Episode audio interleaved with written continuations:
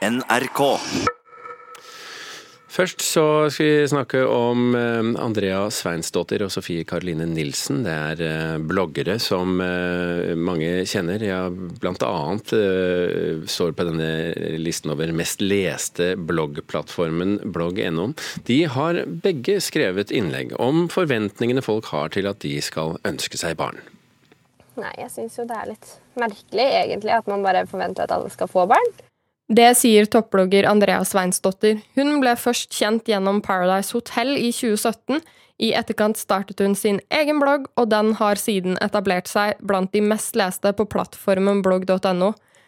Hun ligger nå på en fjerdeplass på topplisten til bloggplattformen, og forrige uke så skrev hun et innlegg med tittelen Nei, jeg vil ikke ha barn.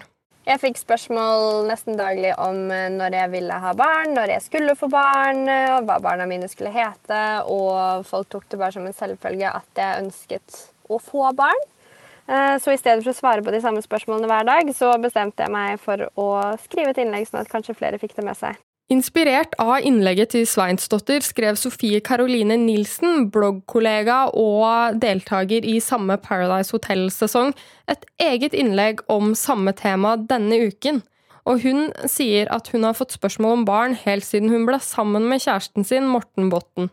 Og så har det bare blitt enda mer nå som eh, vi på en måte har kjøpt og har på en måte bundet oss til hverandre på den måten. Nilsen sier hun ikke reagerer på spørsmålet i seg selv, men den forventningen hun opplever at folk har. Når du kjøper hus og bil og på en måte tar forhold til det, eller tar liksom et steg videre i forholdet, så virker det som at folk automatisk forventer at du skal få barn nå, da. Denne uken nådde hennes blogg opp til andreplass på topplisten på blogg.no. Dermed har mange lest innleggene til de to. Nilsen tror temaet engasjerer mange fordi det er en forventning som bygges opp fra man er liten. Altså, ja, En dag skal man gifte seg, og så skal man få sine egne barn. og at man, måte, De forventningene blir bygd opp fra man er små. Og veldig over hva man ser på film og, og tegnefilm og egentlig alt. Sveinsdotter vet ikke helt hva som er grunnen til at folk blir engasjerte i denne debatten, men har én mulig teori. Det er sikkert noe med at det er på en måte det som skal være så naturlig da, for alle, og at for de kanskje aller fleste så er det det mest naturlige i verden, er å få barn. Så hvis noen sier noe annet, så er vel det kanskje både overraskende og uvant. Sveinsdotter syns det er merkelig at folk spør om barneplaner, og legger til at noen kan oppleve det som sårt. Jeg føler at det er et veldig privat spørsmål, egentlig. fordi som sagt så vet man jo ikke bakgrunnen for det. Og det er egentlig ingen andres business enn ens egen. Så jeg skjønner ikke hvorfor man skal drive og spørre andre om det hele tiden. Ja, Det var altså Andrea Sveinsdottir. Det reporter var Maiken Svendsen. Det brygger opp til opprør blant en lite kjent del av bokbransjen, skriver Klassekampen i dag. Kulturreporter Øystein Tronsli Dravløs, hva snakker vi om da? Snakk om såkalte manusvaskere. De bedriver da språkvask i eh, bokmanus og fjerner ting som uklare formuleringer, stavefeil og andre grammatiske feil. Og nå har en gruppe på 35 av dem samlet seg på Facebook for å kreve mer penger for jobben de gjør. Og hva krever de? Det er ukjent hva de krever, men vi vet hva de får. Eh, de får mellom 16 til 17,5 kroner for å gjennomgå ca. 1000 tegn som jo ikke blir rare månedssøvna. Med mindre de jobber ekstremt fort, selvsagt. Men forlagene, da, hva sier de? De anerkjenner at det kanskje ikke er bra nok betalt. I hvert fall gjør Pax-forlaget det, som er kjent som en av verstingene i bransjen. Eh, men de understreker også at redaktørarbeidet som skjer før denne siste språkvasken, er viktigere og mer gjennomført. Apropos bøker.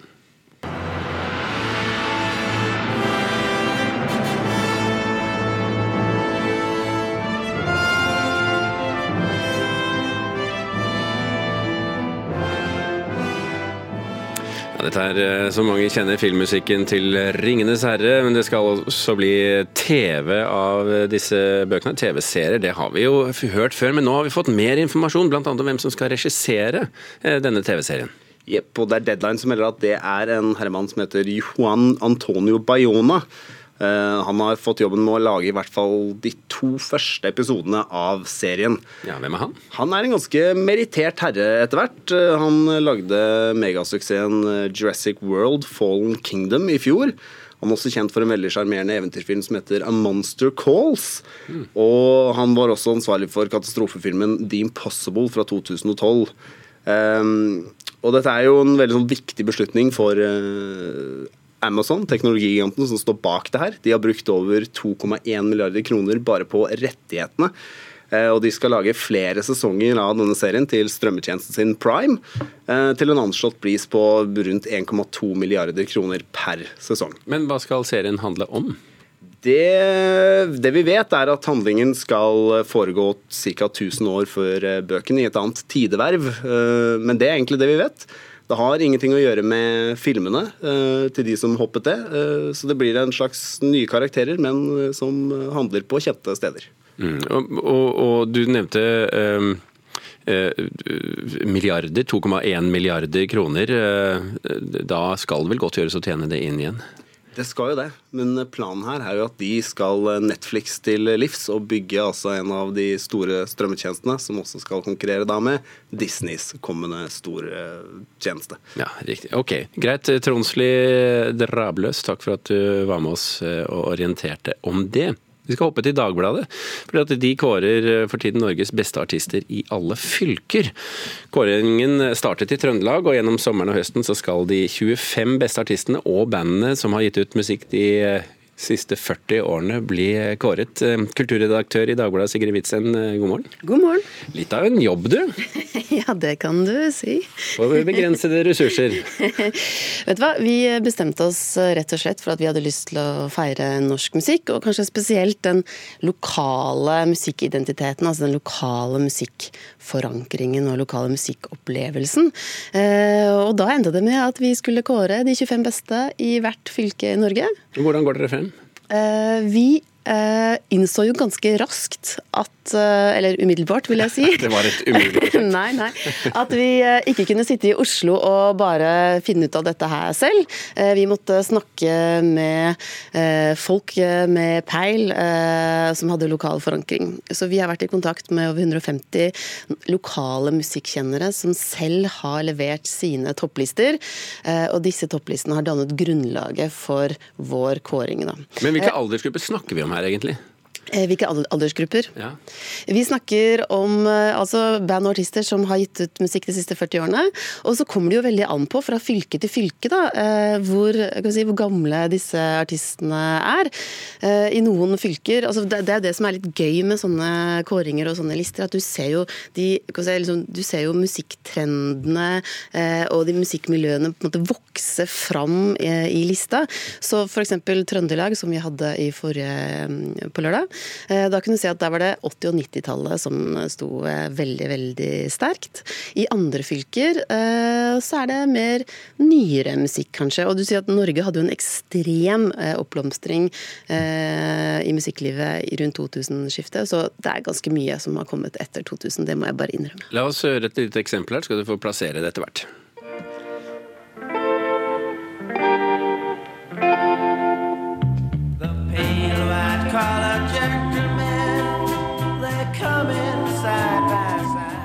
Vi er ikke på 2000-tallet her.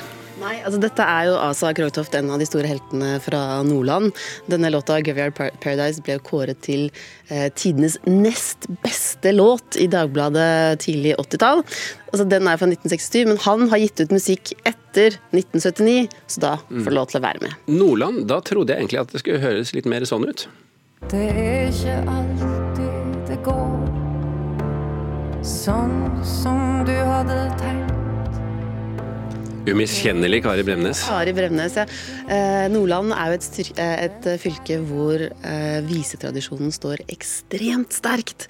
Eh, og det ser man jo også på den lista som vi kommer til å publisere, at visene på en måte transcenderer sjanger. da, At selv om det er rapp, eller selv om det er rock, eller selv om det er pop, så er visene der. Eh, Du kan høre det. Det er en slags gjenklang. Eh, Og det er jo også noe av det som er gøy med en sånn kåring. At du ser de forskjellige fylkene. Eh, Du ser hva som preger dem, da. Er det, er, det, er det noen fylker med flere kvinnelige artister, f.eks.? Kvinnene er dessverre ganske underrepresentert eh, på alle lister. Eh, Noen lister har selvfølgelig flere kvinner enn andre, men eh, vi har tenkt veldig mye på dette her. og Enten så handler det om at vi har gjort en dårlig jobb i vår eh, listelaging, men jeg tror egentlig dette handler først og fremst om eh, at en sånn slik liste får fram liksom, underliggende strukturer i den norske musikkbransjen, og det er noe vi burde snakke litt mer om. Apropos underliggende strukturer, der er jo også dialektspørsmålet inne, og språkspørsmålet norsk eller engelsk har ridd norsk popmusikksmenn Mari i mange år. eh, Og i det siste mer populært med dialekt.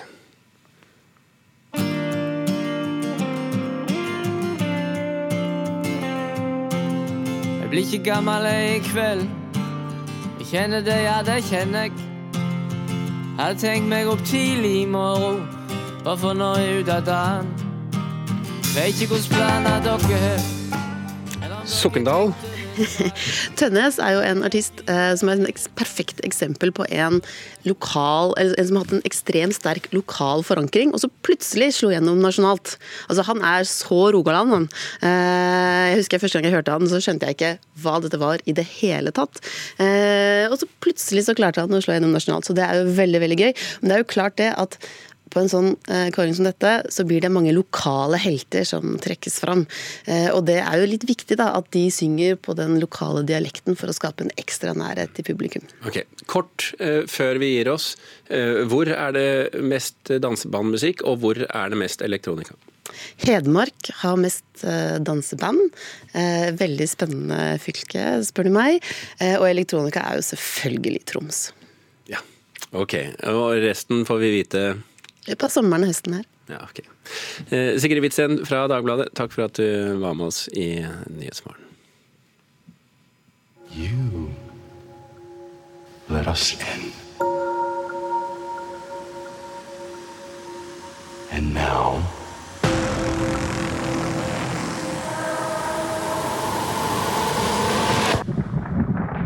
you are going to have to let us stay. Skumle saker. Dette er altså lyden fra suksessserien til Netflix, Stranger Things, som i dag er i gang med hele sesong tre. Første sesong av serien ble av Filmpolitiet beskrevet som en serie som oser av referanser til 80-tallets familievennlige spenningsfilmer, og som klarer å høste den tykke nostalgitåka til en stemningsfull og sår mysterieserie. Så da er spørsmålet til deg, Sigurd Vik, eh, filmanmelder her i NRK. Lever sesong eh, tre opp til forventningene? Eh, ja, den eh, klarer i hvert fall å gjenskape mye av magien fra den veldig gode første sesongen. Det er mer av det fansen har likt veldig godt, det her. Og som en av Netflix eh, mest populære serier, og en sånn skikkelig fanfavoritt med forgreininger til, til fantasy-sjangeren, så er det jo ikke noe tvil om at Netflix også har brukt penger denne gangen. Hva møter oss i sesong tre? Eh, nei, det er en eh, variant av den historien vi har uh, starta på. Altså, det er en eh, småby som heter Hawkins, Indiana. Der bor det en del eh, veldig eh, smarte, oppvakte og kule unger og ungdommer. Eh, men dessverre så er det også en slags parallell dimensjon der til en eh, monsteraktig verden som heter The Upside Down. Eh, det er et hemmelig laboratorium eh, borte i utkanten av byen, og, og det skjer mystiske ting nok en gang. da. Men eh, denne gangen så er det sommerferie. Eh, Byen har fått et nytt eh, kjøpesenter, eh, og i det hele tatt så pøses det på med nok en runde 80-tallsreferanser som gjør at det her også blir ganske så lystig.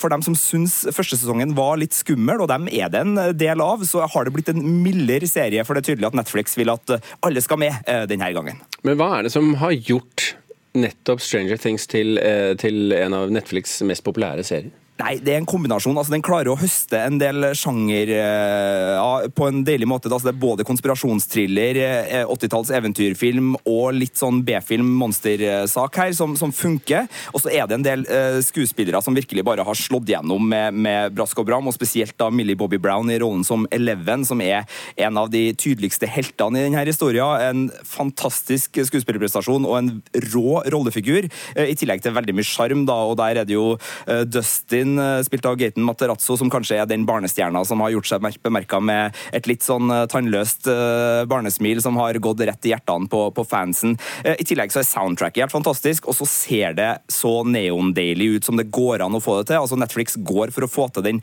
stiligste 80-tallsfesten på TV, og det lykkes de med. Det er rett og slett Ja, jeg, jeg sa de klarer å høste nostalgitåka i sesong én, og det har de fortsatt med. Det er duse farger, det er pastell, og det er lekre overflater.